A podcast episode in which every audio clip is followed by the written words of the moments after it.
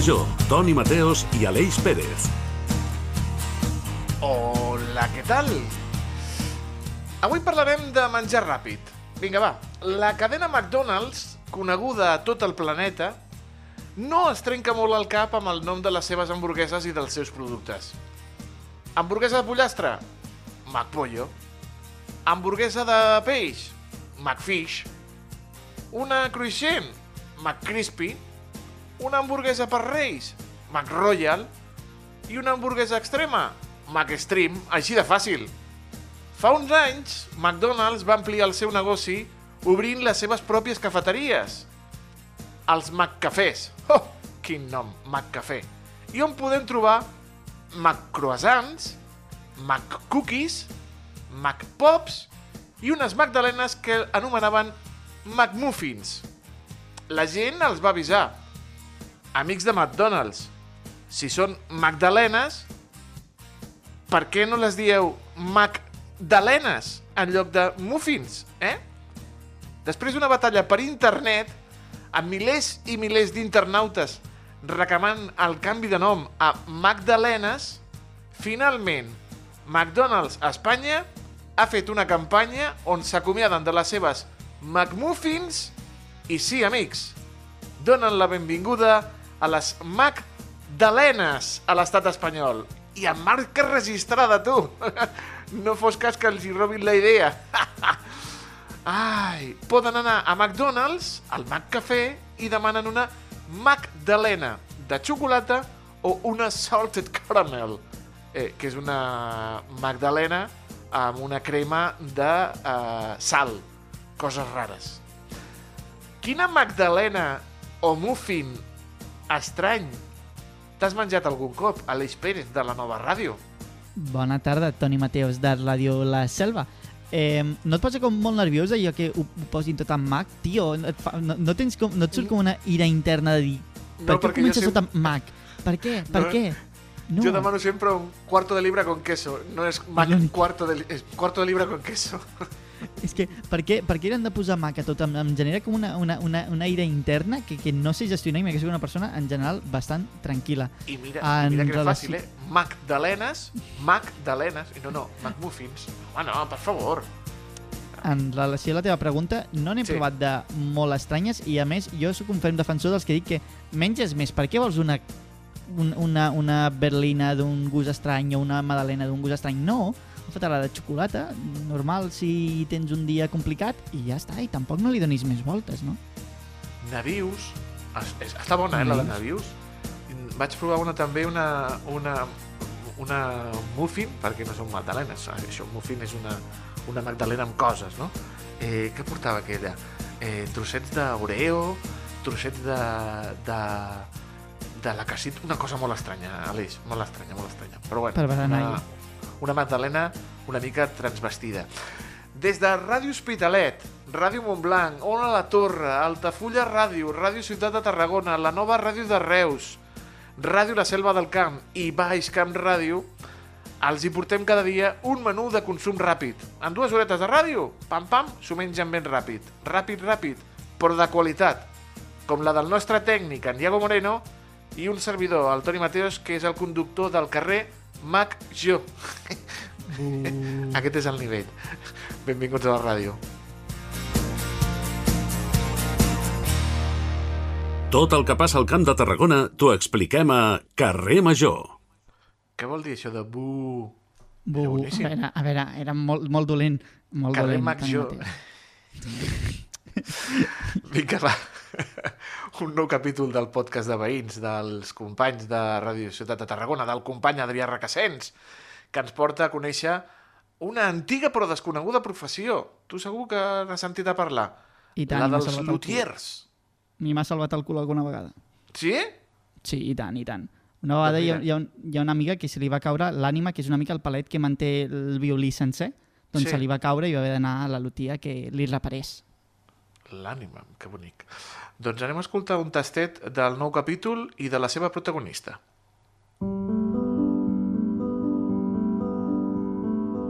Aquest és un nou capítol del podcast veïnal del Camp de Tarragona. Històries i protagonistes del nostre territori. Sabíeu que loteria, a més de joc d'atzar, és l'art de fer instruments? Bé, s'escriu diferent, però en pronunciar pot resultar confús. I es tracta de l'ofici de la nostra protagonista al podcast de Veïns. Soc la Mireia R. Ferrer i em dedico a la loteria i a l'arqueteria. Jo vaig néixer a Lleida, eh, tinc 35 anys i tinc el meu local comercial, el meu taller botiga, aquí a Tarragona, al carrer Orosi número 11. Loteria com l'art de fer instruments de corda, vent o percussió. La loteria és l'ofici que s'encarrega de construir i de restaurar instruments musicals. La- L'arqueteria és la que s'encarrega de construir i restaurar els arquets. Lutier, bueno, luteria ve de lut, que, que, està, que, que vol dir llaüt, no? I, i d'aquí és la, la construcció dels instruments de corda, a partir del, del, de la llaüt que diguéssim. Com sabem, hi ha diversos instruments de corda, la corda percutida, la pulsada, la fregada, i jo m'he especialitzat en corda fregada, el, amb el quartet, el violí, viola i violoncel, i eh, estic especialitzada en moderna, no en antiga, com podrien ser violes de gamba o violes de braccio o arqueteria ve, ve de, de, de archer, és francès i és arquet. Històries, vides, trajectòries, anècdotes. Els nostres barris, carrers, places, municipis, pobles i ciutats compten amb un grapat de veïns i veïnes rellevants per una cosa o altra. El podcast veïnal de Carrer Major, el programa de les 8 ràdios de la xarxa al Camp de Tarragona, ens fa descobrir aquests perfils del territori cada setmana amb Adrià Requesens. No et perdis cada capítol a rctgn.cat. Podcast de veïns. Gent amb marca local. Doncs ja ho saben, rctgn.cat, a la web de Ràdio Ciutat de Tarragona, al Twitter de les 8 emissores del programa i al servei de Ràdio La Carta i, com no, a la plataforma Xarxa Més.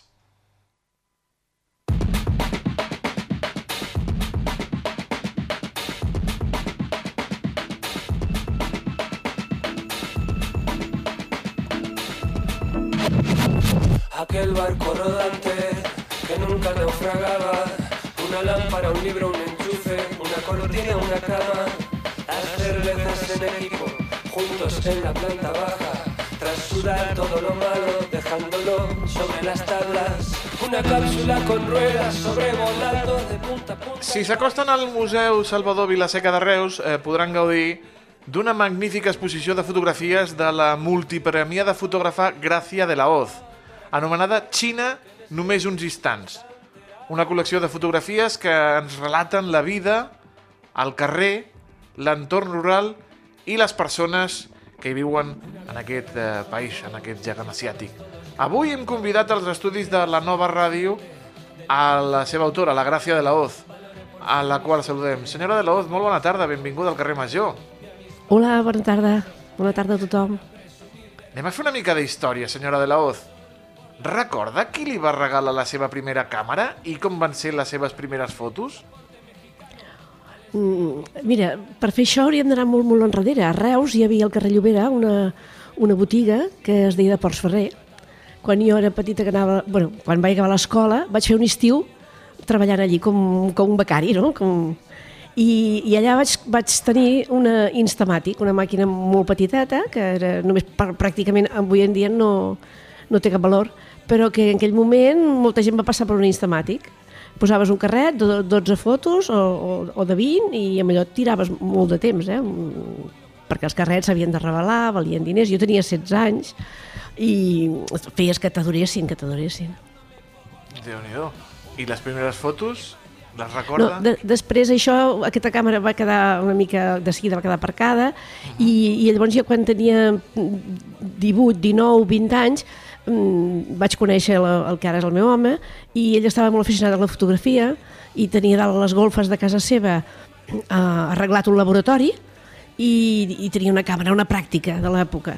I anàvem, jo i uns quants més, que tenim tots una colla, i anàvem, quan acabàvem de, anàvem de moltes excursions per la muntanya, fèiem fotografies durant tot el dia, i quan acabàvem el dia teníem la, la inquietud de veure què és el que havíem fotografiat, i anàvem dalt en aquestes golfes i, i revelàvem el carret teníem els, el, el tanc per revelar i esperàvem allí emocionats a veure què sortia, què, què és el que havíem fet, que és el que portava la fotografia analògica d'abans, que no sabies de moment què és lo... Tu havies tirat la fotografia, però fins que no la veies, fins que no veies el carret, no sabies que, que si t'havia sortit bé o no t'havia sortit bé. I aquesta era l'emoció, l'emoció que teníem. I amb aquesta màquina mica. pràctica vam començar. Mm, S'ha perdut una mica la màgia, no?, de, de ai, esperar a veure què, què, què ha sortit, perquè ara mirem a la, a la pantalla i diem, hòstia, no m'agrada, la torno a llançar, la torno a tirar. Jo ho faig, jo ho faig. jo ho faig, això. Jo de seguida mm, faig moltes fotos, però moltes ja en aquell moment ja me les miro i si veig que no, que no m'agrada, que no és el que esperava, el que sigui, mm, la llanço en aquell moment, perquè després penso, quan seré a casa, les posaré a l'ordinador i les hauré de llançar llavors, i Sí. tindré més feina. Llavors, al mateix moment de mirar-les, ja faig molta neteja. I la màgia aquesta, doncs, en aquell moment era així, no, no hi havia, no podies triar. Ara també tenim la immediatesa, la immediatesa també té, té un valor, vull dir, és uh, fantàstic. Veus el que veus, fas la fotografia, la tens en aquell moment, i si no t'ha acabat de quedar bé, la tornes a fer. Vull dir, no... És interessant. Mm Senyora de la Hoz, es parla de l'ull del fotògraf. Què tenen els ulls dels fotògrafs especials? Que, per, què, per què veieu vosaltres la foto abans que la resta diu oh, això és una foto? I dius tu, Sí. ah, pues, pues sí, és veritat. Bueno, moltes vegades és perquè tenim l'ull habituat a veure fotografia. Vull dir, fer una mica de trampa, eh? eh? sí- que és cert que hi ha gent que té potser més dots, com per la música o com per la pintura, però el, el cert és que després, durant tota la teva carrera, tu eh, intentes eh, veure molta fotografia de molta gent, és on s'aprèn. I, I aquesta manera de veure, de la composició dels altres, que fan els altres, com ho fan, és un aprenentatge que vas, vas a, incorporant al teu bagatge i aquest aprenentatge després surt. I és el que tu sembla que dius uf, la fotografia s'ha fet amb un no res no, s'ha fet a base de molts anys de, de pràctica I llavors, per tant, per la gent que potser no, no, no hem fet tantes fotografies com, com vostè, quin, què, què es necessita per una bona fotografia? Quins són els elements eh, que són indispensables? Menys és més? a vegades sí, però és que a vegades no, depèn del que vulguem comunicar la fotografia és un mitjà de comunicació i què volem comunicar? I segons el missatge que nosaltres vulguem donar, buscarem un, un camí o un altre. A vegades sí que en menys és més. Només volem vendre una petita cosa, un petit objecte, un petit eh, sentiment. I llavors ens hem de limitar amb poqueta cosa a l'imatge. A vegades volem explicar una cosa molt complexa, molt llunyana. El, els, els fotògrafs que van a fer reportatges de guerra eh, han d'explicar moltes coses, no? I, com, i, i és una fotografia molt complicada, molt difícil, perquè no poden ensenyar tot el que veuen, però en canvi han de fer fotografia que expliqui tot el que hi ha allà, que ho expliqui sense ensenyar-ho. És complicat, és difícil.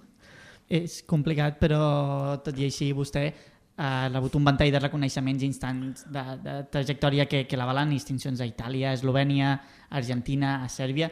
Quin valor també té professional aquestes distincions per a vostè? És un reconeixement del que fas, perquè saps què? La, la gent que dir, jo faig les fotos molt, molt maques, molt xules, la meva mama m'ho diu, no, no té cap mèrit, no? Vull dir, les mames totes diuen que fem les fotos molt xules. I els diuen a tots els nens i a tots els fills que, que dibuixen molt bé, que fan fotografies molt xules i tot això.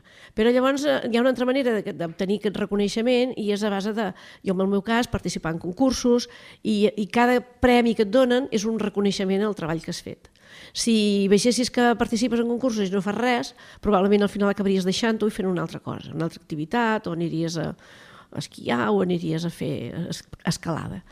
Però al participar et dona uns reconeixements. Llavors jo també a través d'aquests reconeixements sóc membre de la Federació Internacional de Fotografia i ells tenen un, un, un rànquing de, de distincions i amb aquest, amb aquest eh, rànquing doncs jo estic supercontenta perquè el 2014 em van donar el de mestre FIAP, mestre Federació Internacional de Fotografia. Mestre és el reconeixement més gran que tenen per un fotògraf i sóc l'única dona de l'estat espanyol, de moment, i bueno, a mi va, això me va donar molta satisfacció perquè, clar, jo vaig pensar, mira, veus, és una manera que m'ho reconeguin, no? que davant de la gent, doncs, jo, de, de la gent del món fotogràfic, evidentment, però que et reconeguin doncs, el, que, el que has fet, el que has treballat. Uh -huh. eh, Déu-n'hi-do, eh, aquest gran reconeixement. També el fotògraf no només ha de fer fotografies, sinó que també ha de fer classes, ha de fer de jurat, ha de fer, ha fer, ha de fer exposicions, ha de donar consells... Eh, molta feina que no es veu, no?, la del fotògraf. Efectivament, quan eh, arribes a, un determinat nivell, tot allò que tu saps i que has après i que has anat a, a, a omplint el teu bagatge d'aquells coneixements, el que vols fer és compartir-los. També hi ha gent que t'ho demana per compartir-los, vull dir, no és, no és que tu solament vulguis compartir-los.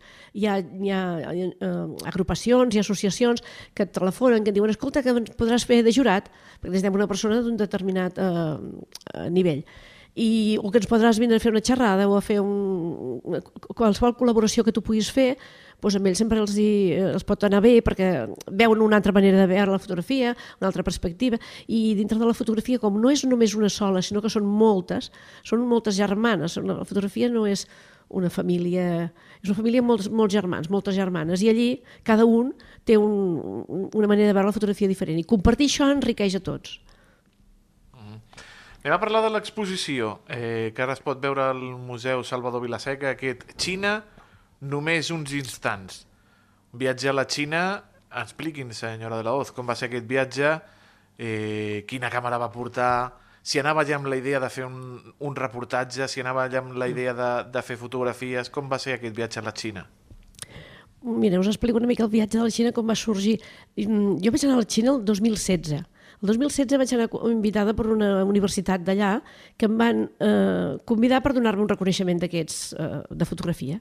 Me conviden, me paguen el viatge, me paguen l'estada i jo estic allà 7 o 8 dies i faig fotografies. En aquell moment portava una Fuji que l'acabava d'estrenar, no sabia molt bé com anava, la vaig, una cosa que no s'ha de fer és davant d'un viatge d'aquestes magnituds, comprar la màquina 15 dies abans i estrenar-la. Hauria fet mitges fotos si hagués pres la que ja tenia, que tenia una Nikon, encara la tinc, i uh, m'anava molt bé, però mira, vaig voler uh, aprofitar per prendre aquella. I vaig fer moltes fotos, és que vaig fer moltes fotografies. Però bueno, vaig descobrir un país que no coneixia. Jo era molt ignorant i vull dir, el que sabia, no, no he d'enganyar ningú. Jo el que sabia de Xina són els restaurants xinesos i les botigues de productes que porten de Xina, no en sabia gaire cosa més. I allà vaig descobrir un món eh, immens amb, amb ètnies diferents, xineses, però ètnies diferents, perquè a més a més ens van tractar molt bé, ens van portar a veure molts llocs, ens van portar a visitar eh, el que deia ètnies de xineses diferents, llocs mm, fantàstics per fer fotografia, vaig fer moltes fotos i ens va passar molt, molt bé. I llavors l'any següent em va sortir l'oportunitat a través de la Federació Internacional de Fotografia que cada any fan un fotomíting, perdó, cada dos anys fan un fotomíting de fotografia i el feien a Xina. I vaig dir, home, aquesta és la meva. Perquè en aquell moment vaig poder el que havia fet una vegada, la següent vegada vaig poder perfeccionar, millorar, ja sabia on anava, ja sabia el que anava a fer. Vam anar a visitar coses diferents, però l'essència del viatge va ser aquesta, i l'exposició correspon a aquest segon viatge, el 2017. Realment va ser un viatge fotogràficament molt bo.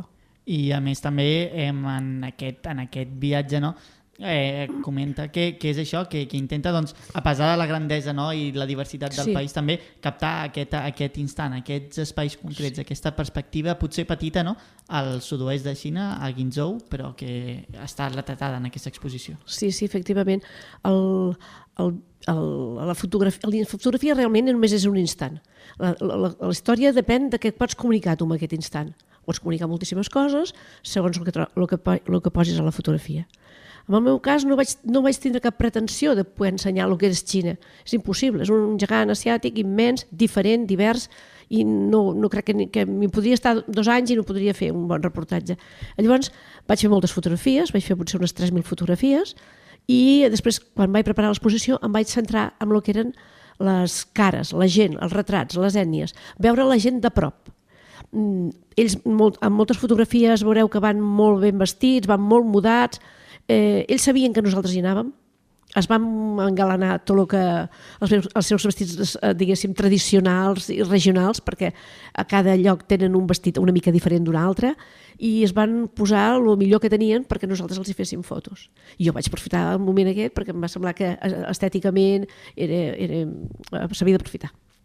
3.000 fotografies i després com, com les escull senyora de la Hoz? Perquè ha de ser una feina terrible no? ah, aquesta ai, aquesta no entra per poc. Com, com és això? no, jo mira, només tinc, això només tinc una, una explicació. Eh, és la pràctica. Vosaltres, segurament que vosaltres aquí amb la vostra feina també teniu molta pràctica amb, amb alguns instruments d'aquests que teniu sí, i podeu sí, fer tant. coses molt més ràpides que jo no faria mai.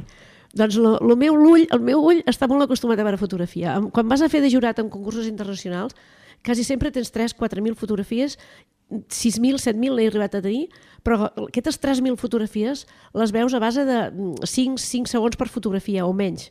Aquests 5 segons només el cervell les capta perquè estàs molt acostumat a veure fotografia, molt, molt, molt ràpid. I és per això, les 3.000 fotografies no són moltes. Mhm. Això li passa al nostre tècnic, al, al Iago, que és, és flash. Ho soluciona tot rapidíssimament. rapidíssimament. Eh, Nikon, Fuji... Eh, No, ara Sony, ara Sony. Ara Sony. Sony, Leica... Quina, quina, quina recomanaria vostè com a fotògrafa professional? No, mira, vaig començar, a explicar una mica la trajectòria. Vaig començar amb Pentax, així a nivell ja màquines eh, reflex i tal, vaig Sí, començar sí, amb Pentax. Me van durar molts anys perquè eren analògiques, a més a més eren eh, compactes, vull dir, anaven eh, superbé. I després d'aquest reflex que tenia, que eren Pentax, ja entra el món digital. Ens comprem a casa una Sony digital, la primera Sony digital que vam tenir, i després d'aquí ja passem, vam tindre, vaig tindre una Nikon de 70, una Nikon de 90, o després una Nikon de 300, vas millorant, vas millorant, vas comprant cada vegada una càmera, Mm, s'ha de dir que les càmeres cada vegada van canviant ràpid, vull dir, abans era una càmera i durava molts anys, ara això és in increïble, cada dos o tres anys hi ha un model nou, cada dos o tres anys hi ha un model nou. La que tinc ara és una Sony A7 III, que me la vaig comprar durant la pandèmia, imagina't que, com, que no fa tant, i ara ja han tret la 5, la A7 5, jo tinc la 3, perquè vegis que en qüestió de dos anys i mig han tret dos models eh, més, posteriors. Clar, lògicament fan més coses, són més fantàstics més meravellosos i són més cars, però bueno, és una cosa que requereix una evolució també amb, eh, amb les màquines i amb l'equipament que vas tenint. L'Alfa és, és, és cara, eh? La, la Sony Alfa és cara, senyora de la Hoz. Eh, I ara que han tret aquestes que no que són les eh, Evil, que no porten el, el, el vidre dins i tot això. Vale, pesen- doncs aquesta, que pesen- aquestes, eh, ara va cap aquí la fotografia, perquè jo també t'haig de dir entre, entre secret. Quan la, la Nikon de 800 que tinc pesa un... No ho, sé, Sí, no ho sí. sap ningú el que pesa. Si vas tot el dia, Només ho saben els fotògrafs. si vas tot el dia a fer un viatge o el que sigui, portes aquella màquina tot el dia al coll, acabes amb les cervi- cervicals fetes papilla.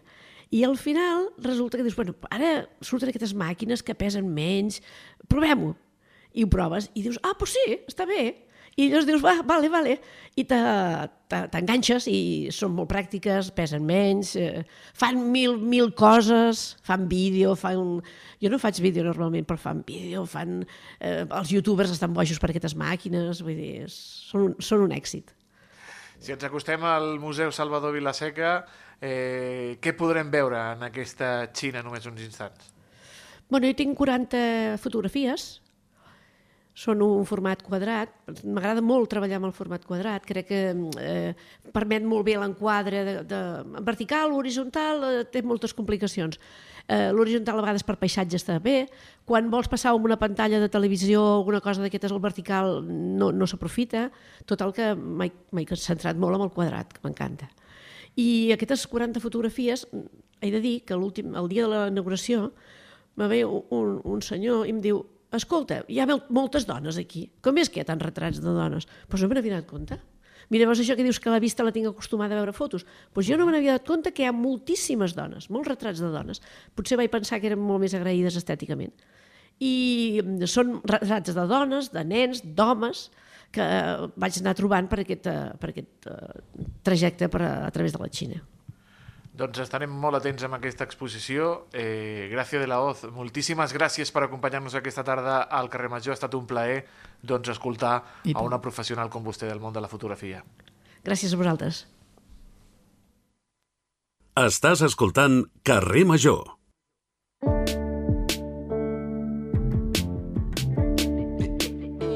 Doctor, Su hijo está flaco. le extraño. No quiero más puré, qué rica la tortilla, apártamelo rojo. Cada 15 dies parlem de nutrició amb el nostre expert, el nutricionista Guille Mena. I avui parlarem d'una cosa que està molt de moda, que són els influencers en l'alimentació. Bueno, ell és el nostre influencer preferit en l'alimentació, el Guille Mena, que ens influencia cada 15 dies aquí al carrer Major. I el saludem. Guille Mena, bona tarda. Què tal? Molt bona tarda. Tot Espero que us influenci, però en positiu, no?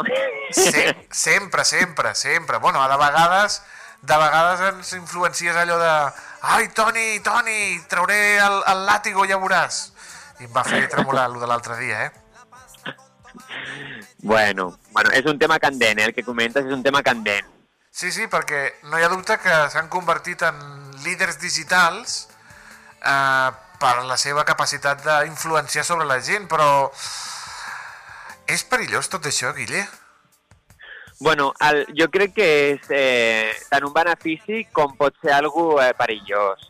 Bàsicament perquè el món s'està digitalitzant a una, a una velocitat increïble, ja només amb el tema de la intel·ligència artificial, eh, hi ha molts factors que s'han de tindre en compte. Eh, què és el que passa? Que moltes vegades no, l'error és que ja, ja mm, no, no solament el públic de carrer està escoltant els influencers, sinó també que els propis, eh, per exemple, en el nostre cas, no, els propis dietistes nutricionistes, en comptes d'anar a buscar la informació a articles científics, ja esperen els titulars dels influencers, quan a vegades no, el titular no explica realment la certesa científica de, del que s'està explicant. És a dir, si jo me, en comptes d'anar a la biblioteca m'espero a que la persona que m'està donant els llibres em recomani el llibre, vale? és, molt, és molt fàcil caure en error. Uh -huh. I hi ha molts titulars, hi ha molts titulars que... Jo t'estic parlant dels influencers bons, eh? És a dir, hi ha influencers bons que promouen missatges de salut pública. Sí. Vale? Aquests missatges de salut pública està molt bé que es facin a les xarxes socials, però s'han de pensar que són missatges generals. El problema està quan aquests influencers no tenen una titulació adequada. És a dir, no són dietistes nutricionistes, no estan col·legiats, i aleshores eh, tenen grans seguidors, Uh -huh. perquè és així, hi ha molta gent que atrau per la manera de comunicar, per al seu físic, pel que sigui, i es donguin missatges que són erronis. Això sí que és un problema de salut pública. I com que no hi ha una limitació aquí, legal, doncs tothom sembla ser que pot parlar de nutrició. Uh -huh. I això és difícil. El camp de la nutrició és molt difícil d'estudiar. És molt difícil perquè hi ha molta interacció. Què vol dir? Que tu quan menges, menges un munt d'aliments alhora. Els barreges. Tenen un munt de nutrients. Aquests nutrients tenen interacció amb cada cos de manera diferent. No només si ets home o dona o iaio o nen, sinó que ja cada intestí és un món. Després està en el moment en el que ho menges, amb les teves hores de son, amb si fas activitat física o no o exercici. Aleshores, si no donem missatges científics, és molt fàcil que la gent digui «Ai, la dieta cetogénica es fantástica para perder peso. ¡Ay! El ayuno intermitente es fantástico para la pérdida de peso. Dic pérdida de peso com, com, una, com un exemple, Uh -huh. ¿vale? però realment el que s'ha de fer aquí és trobar l'evidència científica d'això. Aleshores, jo ja sempre ho explico així. La persona que no, només escolta els missatges de salut per xarxes socials, ma, té un elevat risc, d'acord, de caure en error. Però per què? Perquè aquest missatge s'està donant a nivell poblacional. I una, una, una recomanació poblacional, eh, que pot estar ben donada o no, no serà personalitzada. D'acord? I cada persona, com he dit, és un món. I tant. Jo tinc molts companys que són eh, influencers, d'acord? Eh, eh, fins i tot, eh, o sigui, bueno, ni, ni més ni menys que el Carlos Ríos de la, de la marca Real Fooding. Sí. Hem, hem compartit eh, eh, en congressos, fet xerrades, d'acord? I aleshores, què passa? Que ell, almenys, eh, et diu l'evidència científica eh, del que està promovent. Però a vegades també hi ha missatges que s'han donat de manera errònia. I això ha provocat que la comunitat científica l'ataqui. Uh -huh. És un tema molt difícil de portar a les xarxes socials, a la que hi ha molta pressió, a la que has de crear un contingut diari perquè si no et deixa de seguir la gent, i un contingut que sigui amistós, però que alhora sigui alarmant per cridar l'atenció. Perquè si no crides l'atenció, bueno, tu bé ho saps. Què passa si a la ràdio no foteu un titular bo? Pues que no ens escolta ningú. Exacte. Uh -huh. I els influencers han de fer soroll. I tant, i tant. Eh, els influencers, eh, com has dit tu, n'hi han de bons, però després estan els de, els de lifestyle, els que vi, publiquen la seva vida i, i diuen, a mi menjar mm, semilla de cànyamo me va molt bé. I, i potser darrere també hi ha eh, pràctiques que I són... tant, conflicte d'interès. Exacte, eh, que els estan pagant eh, per, per promoure els seus productes. I tant, però Toni, et dic una cosa, això realment és il·legal. És a dir, és que és il·legal. Difondre segons quins missatges de salut amb al·legacions nutricionals que no estan permeses a nivell europeu eh, és un delicte. El que passa és que, bueno, que està tan normalitzat i hi ha una falta de control, no? Al igual que hi ha la mateixa falta de control amb, jo què sé, amb, amb el porno, d'acord? Sí. És a dir, el tema dels controls parentals. Doncs amb això també, todo el mundo puede decir, saps? El, el, el, els influencers, eh, no sé, és que jo, bueno, és igual, posem algun exemple, no són públics, però es pot parlar. Hòstia, a mi que, per exemple, eh, la Maria Pombo doni una recomanació nutricional i que aquesta re recomanació nutricional sigui errònia, dius, mare meva, però què està passant aquí? Saps? Això no pot ser. Sí, sí, sí. Per què no es fa bé? Per què no es fa bé i aleshores que gravi en directe una consulta personalitzada que se li està fent amb ella i aleshores s'escolti a la dietista que li està explicant amb les referències científiques? És a dir, si jo no ho prohibeixo. O que diguin, esto es mi consejo i no tiene ninguna validez científica.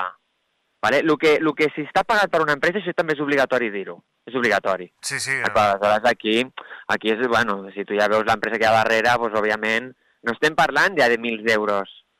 És que estem parlant de cinc xifres. Aleshores, què passa? Que tot el món tiene un precio. No parlo ara de la Maria, eh, en aquest cas. No, no, no, no, no, Parlo en general, he posat un exemple. No, no, i un exemple, un exemple claríssim, claríssim. I després que comencen a, a, a dir productes com eh, baobab, moringa, eh, lúcuma, eh, semilla de lino, açai, Sí, eh, sí. aceite de coco, glu... Ah, que molen. Els que molen. Es que no conquistas nada con una ensalada. Gran frase dels Simpsons. Total, total. Comencen a dir tots aquests productes eh, que, que, que, com dius tu, eh, de proximitat no, no crec que siguin. Bueno, hi ha, hi ha algun que sí, però no. La gran majoria no. Venen de fora i l'impacte de la huella de carbono és elevat i el, el, el gast energètic per portar-ho fins aquí, sí, sí, sí, sí. Sí, és un, és un altre tema, però és una pena, no, això? És una pena, perquè jo conec a molts dietistes que tenen una, una, una capacitat de divulgar missatges eh, de manera molt ben feta, o inclús els grans investigadors, no? És a dir, una, una debilitat que té molt forta la comunitat científica, ¿vale? en la qual jo estic posada dins, es, muy bien, queridos amigos investigadores, nos hemos gastado un millón de euros en investigar eh, este ingrediente para la pérdida de peso. Pero esto, este mensaje, com està arribant a la població? No arriba, no arriba, perquè sí, hi ha gent que llegeix el diari, però la gent està a les xarxes socials. I aquesta difusió, que ara és obligatòria quan presentes projectes i tal, no s'acaba de fer de manera ben feta. És a dir, els influencers, jo mira, quan feia les xerrades ara fa temps, eh, que no faig parlant sobre aquest tema, sempre no explicava que hi havia un cercle que es diu el cercle de l'excel·lència. Uh -huh. El cercle de l'excel·lència és una unió entre la indústria alimentària, la comunitat científica i els influencers. Si aquests tres eixos no estan ben comunicats, dona igual el resultat que surti. Saps? Perquè cadascú interpretarà la seva manera. La comunitat científica publicarà i ningú s'enterarà dels resultats. La indústria alimentària mirarà pels seus interessos i traurà el producte que li surti dels pebrots. D'acord? Bueno, ojalà fos en pebrot només, però no. I després els influencers van a su bola. Van a su bola total per un tema, per un tema d'interessos propis. Per tant, si no hi ha una unió i es tanca aquest cercle, mai, mai s'aconseguirà l'excel·lència. A mi em crida molt l'atenció, eh, per tancar a Guili aquesta xerrada, eh, per exemple, un influencer com és el Chocas, que ha invertit bona part dels seus diners en la indústria alimentària. Eh, ha creat una marca pròpia de menjar Sí. a domicili, que te'l porten a domicili.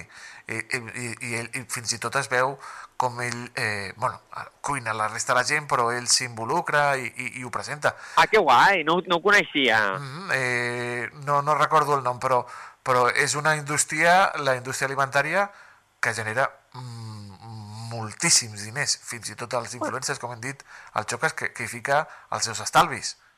Però a mi em sembla bé això. Clar que sí, cadascú inverteix els diners on vol, però que es faci bé. És a dir, jo ho desconec, eh? Però el tema de que hi hagi l'opció de menjar tan saludable com no saludable a domicili em sembla bé. Jo el que no m'agradaria és que la gent perdés la, la, la tradició de cuinar, d'acord? Perquè això si no és una que es perdrà i les, les noves generacions doncs no sabrem cuinar. Però sí que és veritat que moltes persones al dia a dia ens arrolla o simplement no ens agrada. Aleshores, tindre l'alternativa i si el Xocas eh, ha fet el, aquesta nova marca i tu ho pagues i t'aporten a casa i és sostenible i és saludable i promou el comerç just, no? que mireu el que està passant ara, que és una vergonya, és que és una vergonya, mira, aprofito que estic a la ràdio, és una vergonya el que està passant amb els agricultors. I tant. Doncs, doncs clar, doncs mira, avui hem parlat del paper dels influencers alimentaris amb el nostre influencer eh, cada 15 dies que ens aporta salut, benestar i una dieta saludable i una vida saludable com és el Guille Mena, nutricionista, al qual com sempre li agraïm aquests minuts aquí al carrer Major. Guille, una abraçada i parlem d'aquí 15 dies. Bon carnaval, disfruta. Toni, gràcies. Igualment, una abraçada molt forta. Adéu-siau. Adéu, adéu. Ciao, ciao. Anem de carnaval, no? Som-hi, Toni Mateos. Ep. Carnaval, car... Molt bé, molt bé, Toni. Gra gràcies al Guillemena, al nostre nutricionista de capçalera d'aquí del carrer Major.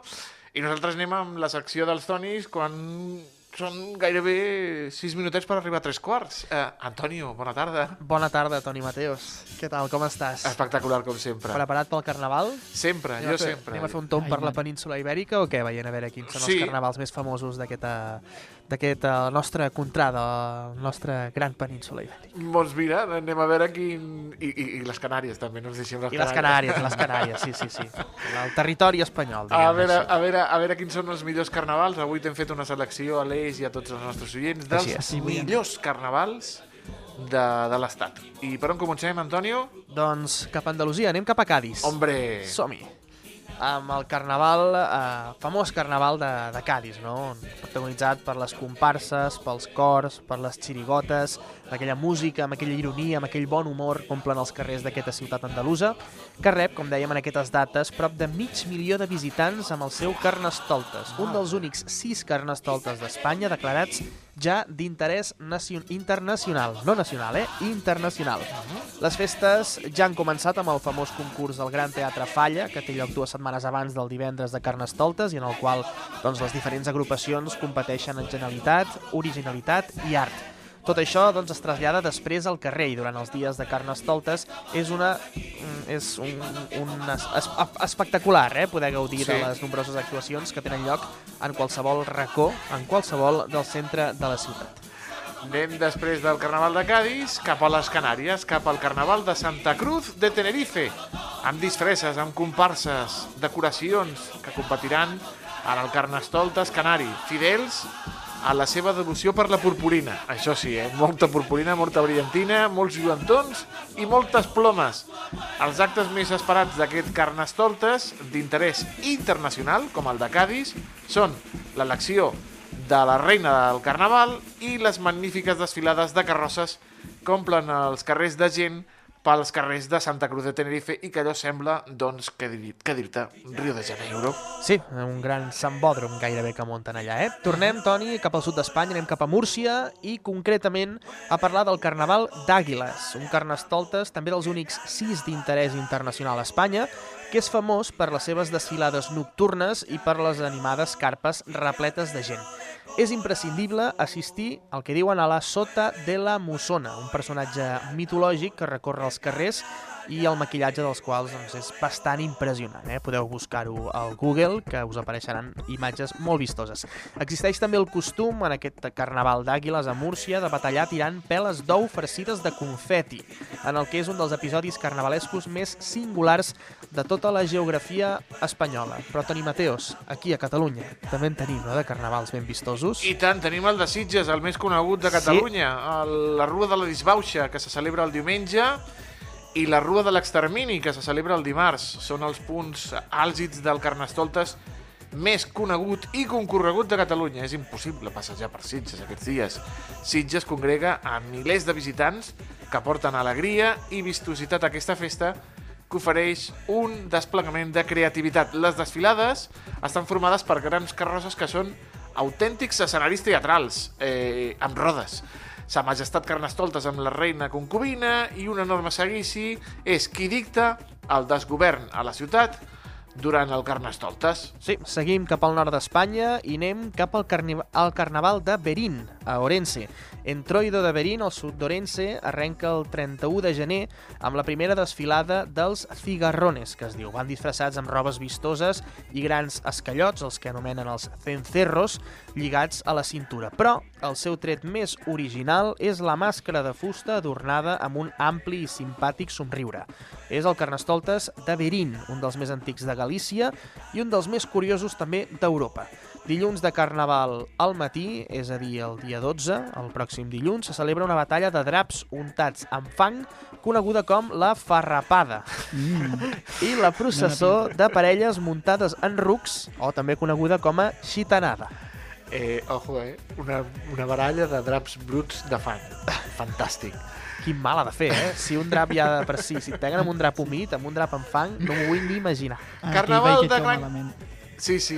sí. Carnaval de Gran Canària, desfilades, murgues, festes improvisades omplen els carrers de color, però la gran festa és a l'escenari del Parc de Santa Catalina, amb dues grans actuacions que brillen amb llum pròpia en la seva completa agenda d'esdeveniments. Tenim la primera gala, que és la gala de la reina, on es tria a la popular reina del Carnestoltes, i la segona és la gala Drag Queen, que destaca per la creativitat dels seus concursants i per la implicació i de tota la ciutat. De fet, la capital Gran Canària va ser la primera ciutat del món a albergar un certamen, un certamen amb aquestes característiques d'escollir una gala drag queen. Però tornem a Catalunya, Toni, ben a prop de Sitges, perquè també destaca el Carnaval de Vilanova i la Geltrú. Una xatonada tradicional marca l'inici d'aquesta festa on se celebra també una marangada o una multitudinària batalla que arrenca davant de la cèlebre pastisseria Blanc i acaba amb els, amb els participants completament empastifats amb aquest dolç. El divendres, per tant, demà, arribarà el rei Carnestoltes... Demà no, ja he vist que el divendres, Sí, eh? ja he vist que el ja carnaval, no, no. Passat demà arribarà el rei Carnestoltes, que donarà doncs, el tret de sortida a un intens cap de setmana marcat per la disfresses i la sàtira, per exemple, amb el ball dels malcasats, tots plens d'humor. El dissabte és el dia del caramel i també del moixó foguer, un personatge disfressat d'ocell que recorre els carrers de la ciutat, i finalment el diumenge, a més de la gran desfilada de comparses, se celebra la famosa guerra de caramels a la plaça de la Vila, al crit de comparsers, la plaça és vostra. I acabem en el carnaval de les Terres de Mons Pares, de el Peropalo de Villanueva de la Vera, a la comarca de la Vera, la festa més curiosa d'Extremadura, aquest carnaval. El Peropalo és un ninot, figura humana de grandària natural, al qual eh, el poble realitza un judici. Llàstima que sempre acaba condemnat el Peropalo. Vestit de negre, amb el, cos, amb el cos farcit de palla, porta un mocador i el cap és de fusta, peça que es coneix com la turra, que es conserva després de la festa, li treuen el cap abans de la seva condemna. El ninot és portat en possessió al poble i li fan la judià, que es consisteix en mantejar el pero palo mentre la gent crida i es burla i diversos grups de persones toquen tambors. El pero palo és condemnat a una sentència que es dona a conèixer a tot el poble amb un paio pujat al, de, al damunt d'un ruc reconent els carrers i llegint aquesta sentència. Finalment, judià final, es manteja el pero palo i es crema el cos de palla. Pobret Pero Palo, Pobret eh? pero palo. Curiosos els carnavals de- d'arreu del, de l'estat espanyol. Antonio, gràcies. Fins divendres. Fins divendres, que, vagi provi. Molt bé. Adeu. Adeu, adeu. Les realitats del Camp de Tarragona a Carrer Major. Anem amb la furgoneta. Anem ràpid Som-hi. amb la furgoneta perquè se'ns tira el temps al damunt i ja ens està pitant la Cristina Artacho demanant-nos pas amb la seva furgoneta. Eh, fins on han anat avui? Anem a preguntar-li. Cristina Artacho, bona tarda. Dia més aquí a la Furgó. Avui sóc al- a l'Institut Antoni Martí Franquès de Tarragona, concretament al despatx del director, i m'acompanya precisament el Jordi Satorra, que és el director del centre. Fa uns dies, fa unes setmanes, el Consell Escolar va dir que a partir del curs vinent, del 24-25, hi haurien noves restriccions pel que fa als telèfons mòbils. Han anunciat que a primària estaran absolutament prohibits, a l'ESO s'obligarà a apagar-los i al batxillerat sí que l'ús estarà, més, eh, més obert i serà responsabilitat dels estudiants. Hem convidat avui el Jordi perquè ens expliqui una mica la perspectiva de com s'han rebut aquestes noves instruccions als centres escolars. Molt bona tarda, Jordi. No sé com heu rebut la, la notícia i, i com actuareu a partir d'aquí. Bé, bona tarda. Bé, és una notícia d'aquestes que més o menys te les esperes i que bueno, portem un cert debat molt, molt mediàtic i molt conduït, no? Jo dic la batalla de l'hora del pati, no? que sembla que tota l'hora del pati passen totes les coses que, que, que passen de maldat amb els telèfons mòbils, i segurament no és així. Però la normativa, bueno, al final esperes, quan hi ha tant debat i tantes maneres cadascú de veure-ho, intentes i entens que el govern digui fins per aquí, i això doncs, forma part del, del, del pla de treball i, i nosaltres ens adaptarem. De fet, les, les instruccions que ens han fet arribar són molt concretes, que hem de posar les, a les nostres normes d'organització i funcionament i que hem de posar a la carta de compromís, per tant, és ineludible com, completament el, l'acatament en, aquesta, en aquestes concrecions, malgrat que algunes sí que et presenten dubte. Nosaltres veníem d'un model que feia sis anys que ho teníem regulat l'ús dels mòbils, és a dir, l'alumne pot utilitzar el mòbil al canvi de classe, lliurement, a l'hora del pati, i a les sortides mentre no estem fent una activitat pròpiament, per exemple, a l'autobús. Amb la nova normativa, que s'aplicarà doncs, a partir del curs que ve, sí que veiem unes restriccions que ens afecten, sobretot a l'ESO. El batxillerat en principi ho deixaríem tal qual, perquè la regulació que han proposat des del govern s'ajusta a la que nosaltres teníem, que tenen més autonomia, però sí que l'ESO, sobretot és això. A, a l'hora del pati no estarà autoritzat, el canvi de classe no es podrà fer servir, i a les sortides, des de que pugem a l'autobús fins a Barcelona, per exemple, tampoc no es podrà fer servir el MUR. Clar, això té una mica, nosaltres veiem aquesta part més de contradicció, no? perquè els alumnes vindran amb molts en bus i portaran el mòbil i es ficarem a estar una hora o tres hores fins a, no sé, fins a la seu que tenim sortides o fins a, a cap a l'Estartit i no podran tindre el mòbil, al, al, no podran fer servir el mòbil al, al autocar, per exemple. Clar, doncs, no sé, potser hi ha algunes coses que ens hauríem de replantejar.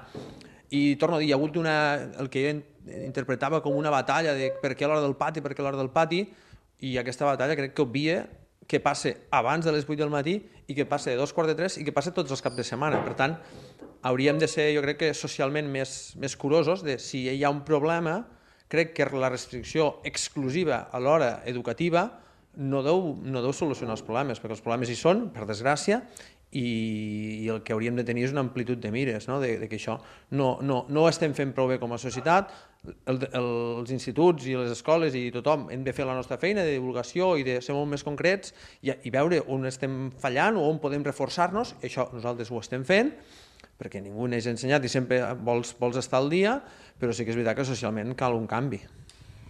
Creus que serà fàcil que els alumnes entenguin aquesta restricció i serà fàcil que la compleixin? Bueno, fàcil sí, perquè ho diran les 9 i té un règim sancionador. Per tant, serà fàcil o no serà fàcil, però les conseqüències són, perquè la instrucció diu que si llavors l'agafes, les agafa i has de trucar al pare que vingui a buscar el mòbil. És evident que totes aquestes molèsties d'incomplir la norma no les voldrà, no les voldrà que ningú patigui aquestes conseqüències, per tant la normativa i alguns centres que ja havien començat a fer mesures més restrictives en la línia de la proposta del, d'aquesta del govern actual, doncs eh, també tenien un règim sancionador. El que és evident és que una cosa porta l'altra i això vol dir que hi haurà moltes més sancions sempre que hi hagi incompliments.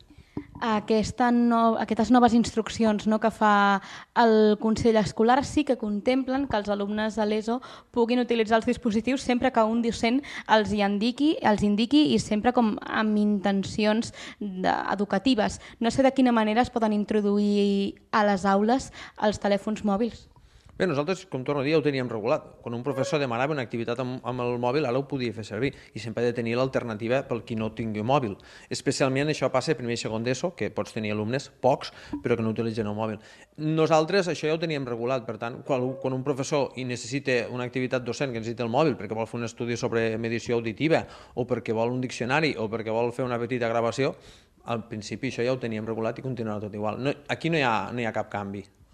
Comentaves no, el tema de que no cal només una reflexió en l'àmbit escolar pel que fa als telèfons mòbils, sinó una reflexió a nivell social no, de què passa tant abans de l'institut com després de l'institut també. Fa molt poquet el Martí Franquès es es vau veure involucrats en aquest xat amb a WhatsApp amb contingut pornogràfic on, on hi eren diferents alumnes. No sé quin protocol vau seguir en aquest, moment, en aquest moment i fins a quin punt considereu que la responsabilitat és del centre.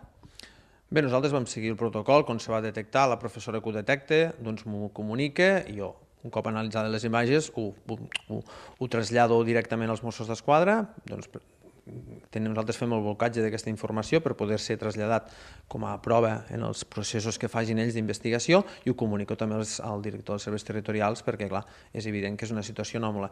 El que ens passa aquí és el que, el que estem dient, no? que hi ha, un, bueno, hi ha una responsabilitat. Nosaltres, en l'educació ens hi cap tot, tothom se pensa que ho hem de fer tot i això és impossible perquè no tenim prou hores de tot i potser ens hem de centrar molt més en la nostra part pedagògica, però és evident que hem de col·laborar en tot. Però això no vol dir que tinguem responsabilitat.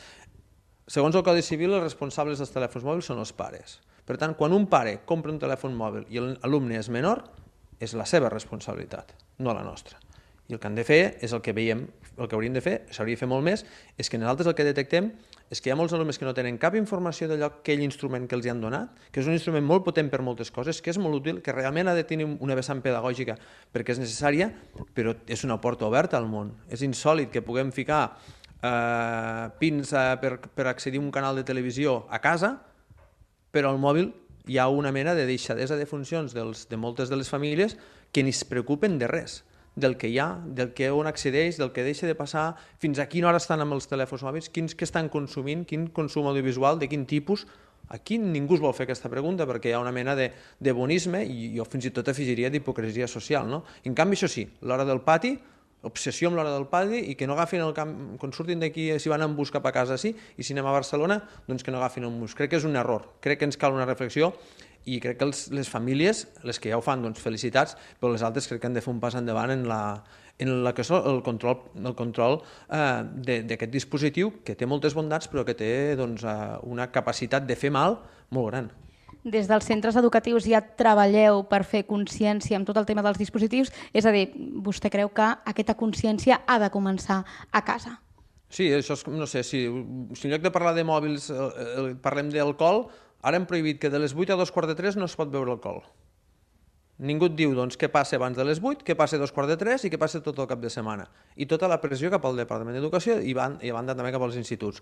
Jo crec que la reflexió és si tu dones un instrument com és aquest, que té bondats i maldats, a, a un menor, perquè els estem nosaltres veient, que, estan, que hi ha grups de WhatsApp que els afegeixen, que hi ha contingut que és clarament ofensiu, inadequat, un inadequat per edat i l'altre inadequat en tots els contextos i fins i tot delictiu tenir-lo al mòbil, i aquí ningú ningú opina, ni els alumnes que els han fet reflexions i tutories eh, actuen i diuen, eh, tinc una cosa que no toca, això ho vull denunciar jo, ni hi ha les famílies tampoc aquesta reacció, o bona part de les famílies. Per tant, anem vigilant que després venen les conseqüències, que després passen coses i no estem en l'alarma que hauríem d'estar en, un, en un cas o en uns casos que crec que no hem, de, no hem de baixar la guàrdia. Nosaltres reforçarem, nosaltres hem reforçat també tota la part d'acció tutorial, que ja la teníem, però continuem fent. Per sort també tenim els Mossos d'Esquadra que sempre ens ajuden en tot.